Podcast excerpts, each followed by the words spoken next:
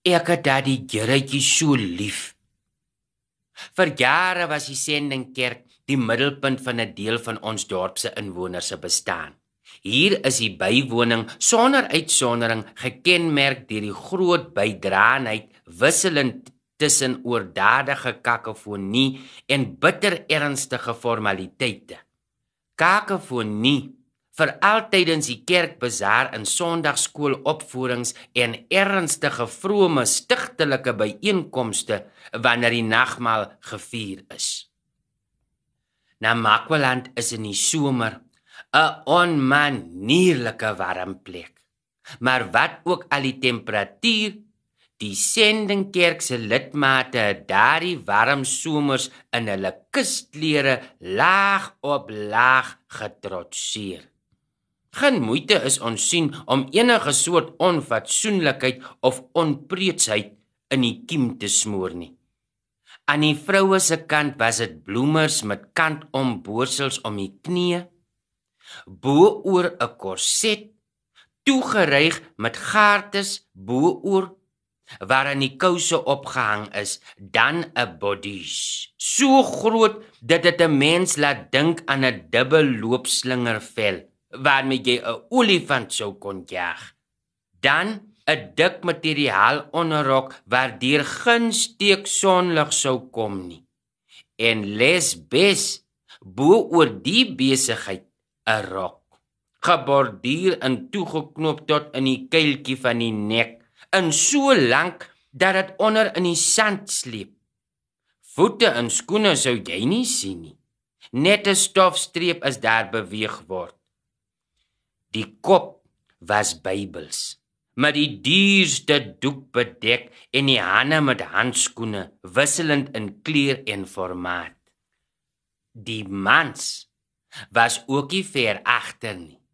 Kerk is bygewoon in 'n 3-stuk pak met die silwer of goue ketting van 'n sakhorlosie wat uit die onderste baadjie sak oor die boepie beer afgerond met 'n helder veelkleurige das so oordadig geknoop menige laksman sou jaloers wees die hoedens was altyd windmaker so effe skuins op die kop gemonteer in kleure en vorms wat my aan Stalin se bekende fedora laat dink altyd is daar getof vir die okasie.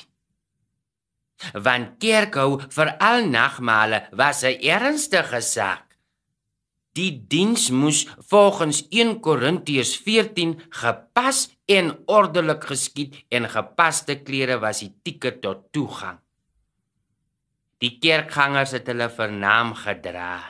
Nes die eerwaarde in sy gitswart toga en die kerkraadslede in hulle manelle gefolterde sweetdruppels tydens die diens is met spartaanse trek om die bek verdra. Van die gemeentelede het so hel uit warm gekry of onder daardie bondelsklere so ontwater dat floutes aan die orde was. Maar die ongelukkiges het na hulle gelaaf is dadelik weer plaasgeneem, want die nagmaalbeker het niemand laat verbygaan nie. Die vreeslike gehinker na higiëne en die mode dat elkeen sy eie glasie wyn kry, het later eers gekom. Hierdie besondere gemeente het twee reuse silverbekers gehad. Elkeen is boordensvol geskink om 'n ieder en 'n elk 'n behoorlike sluk daaruit te gun. Afhangende van die bywoning was daar vir voorsiene en onvoorsiene tekorte ook nog twee 5 gelling faadjies Kerapigo gereed in die konsistorie. Die breek van die broodliggaam is maar as 'n liemaker beskou. Dit was die bloed waarna op sulke dae gesmag is. As jy jou storie geken het, was jou sluk maklik 'n koppie vol. Net die oormaak bye en die vlee daardie tyd van die jaar was altoos 'n verpesting want die het later heen en weer kon se storie in en uit agter die diakens in ouderlinge aangevlieg. Die nagmaal gebruikers moes wakker slaap om nie per ongeluk 'n sluk met 'n vlieg of 'n byt te vat nie. Op die betrokke dag was daar tussen die Jete na Makwaland se son en die gemeente beswaarlik 'n sifdraad. Dit was siedend warm, maar die kerkraad sou die eerwaarde nie kort baie toelaat nie.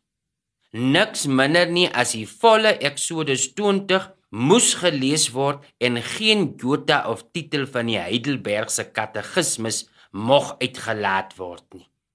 Word die Sions gesang opgegee, word elke vers gesing en die openingsgebed moet wyd vat en ver voorbrand maak.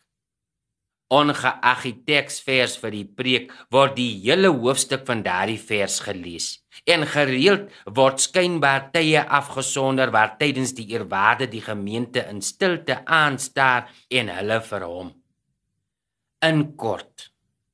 Die nagmaaldienste het normaalweg 'n uitmergelende 2 tot 3 uur geduur. Maar daarvoor was die gemeente daar. Daarvoor is die heilige Sondag afgesonder. Die gebruik was dat die eerwaarde na sy nagmaal preek by die gedekte hooftafel voor die preekstoel gaan sit. Saam met twee ouderlinge wat in byna gekunstelde hoogheilige vrome stigteligheid daarna som plaasneem.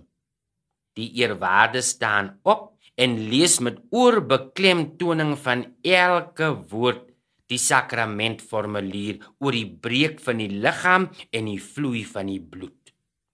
Dan breek hy die brood in 'n mandjie en die diakens vat die stukke in brokke en gaan deel dit aan die gemeente uit. Die kerkie was langwerpig. En al die sitplekke neffens mekaar in 'n blok in die middel met twee paadjies weerskante langs die mure af. Die eerste diaken druk sy mandjie aan die een kant van die blok by die eerste ry in en die tweede diaken aan die teenoorgestelde kant ontvang die mandjie van ry 1 en gee dit aan vir ry 2. Waarop diaken 1 by ry 2 stelling inneem om die mandjie waarmee diaken 2 begin het te ontvang en dit op sy beurt by ry 3 in te steek. En so gaan hulle aan. Intussen draf twee ander diakens heen en weer tussen die brooduitdelende diakens en die hooftafel waar die eerwaarde en die twee ouderlinge met geboë hoofde asof in konstante gebed of semi dit in 'n doodsweet sit om vir elke leë mandjie weer die volle te gaan haal. Nadat seker gemaak is algerit sy of haar deel van die liggaam gekry breek die uitdeel van die groot silwerbekers wyn uiteindelik aan. Die bring van die wyn veroorsaak onmiddellik 'n roering, 'n afwagting in die kerk. Want teen die tyd is die gemeente lankal droobek gesing, gebid en genagmaal en die winkelbrood sit hoeka soos kleutjies teen die spoeglose verhemeltes wat smag na iets om dit mee af te sluk en die suurdeeg smaak uit hulle monde te kry. Koetjie geldsaak was die betrokke dag in beheer van een van die bekers. Kerklik sou jy nie beter kry nie. Waardig, vroom, gepas en ordelik was hy. Ongesmet. So is daarna hom verwys. As gerehabiliteerde alkoholus het Koetjie teen Bagges ewig wraak gesweer was dit nie dat die woord en die sakrament die ontydige wyn gebruik in die kerk geregverdig het nie? Sou hy hom nooit weer daaraan skuldig gemaak het nie wat nog te sê ander aangemoedig het om dit ook te gebruik?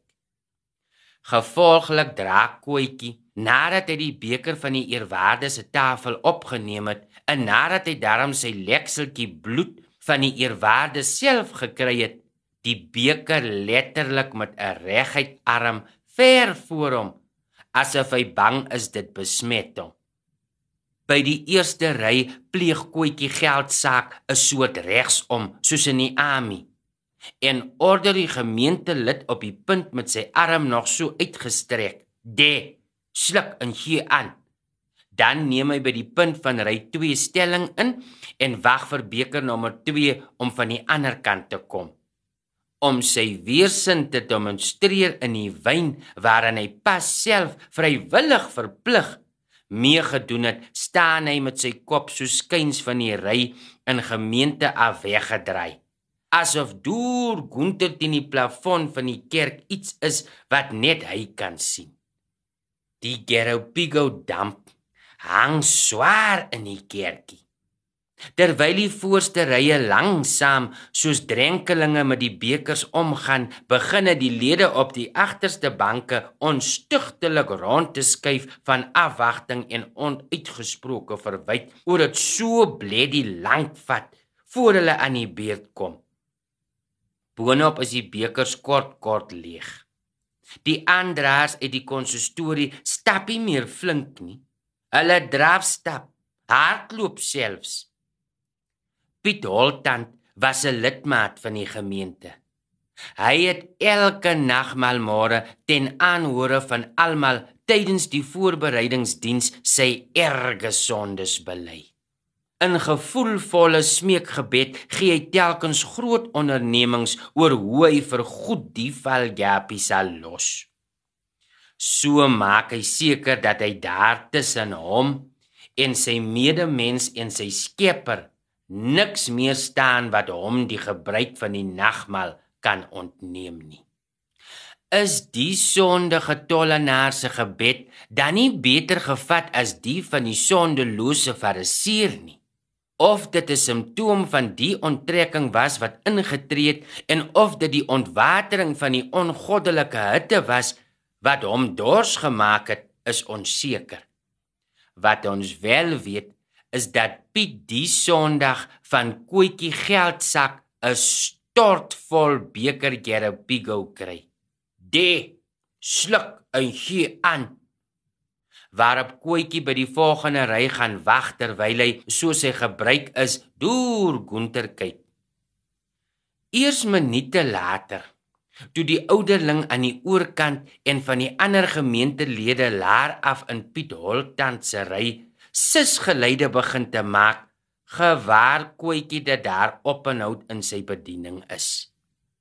Skuins onder sy neus hoor hy die chunk chunk chunk van 'n verbete gesluk. En toe hy Piet se hoppende arms appel sien toe weet hy daar is vergryp. Toe om koetjie afkyk vas teen die onderkant van die omgedopte beker en aan die ekho hoor dat Piet se vergryp die bodem van die helse groot lang kruik nader gryp hy verontwaardig die nagmaalbeker van Piet se smoel af in uit sy twee klemmende hande. Maar sien jy o heilige verfoeilike syplap vir wat is jy so skandelik in die Here se kerk weet jy dan nie dis ons Here se bloed waarin jy jou so sta vir sypie stilte oor Piet se heildronk lippe. Maar broekoetjie, ek het daai jurretjie so lief en ek het vreeslik baie sonnes om te was. Hierdie storie is voorgeles uit Vertel daar vir my 'n storie van 'n Makwaland deur Jan C van Wyk en is uitgegee deur Malan Media.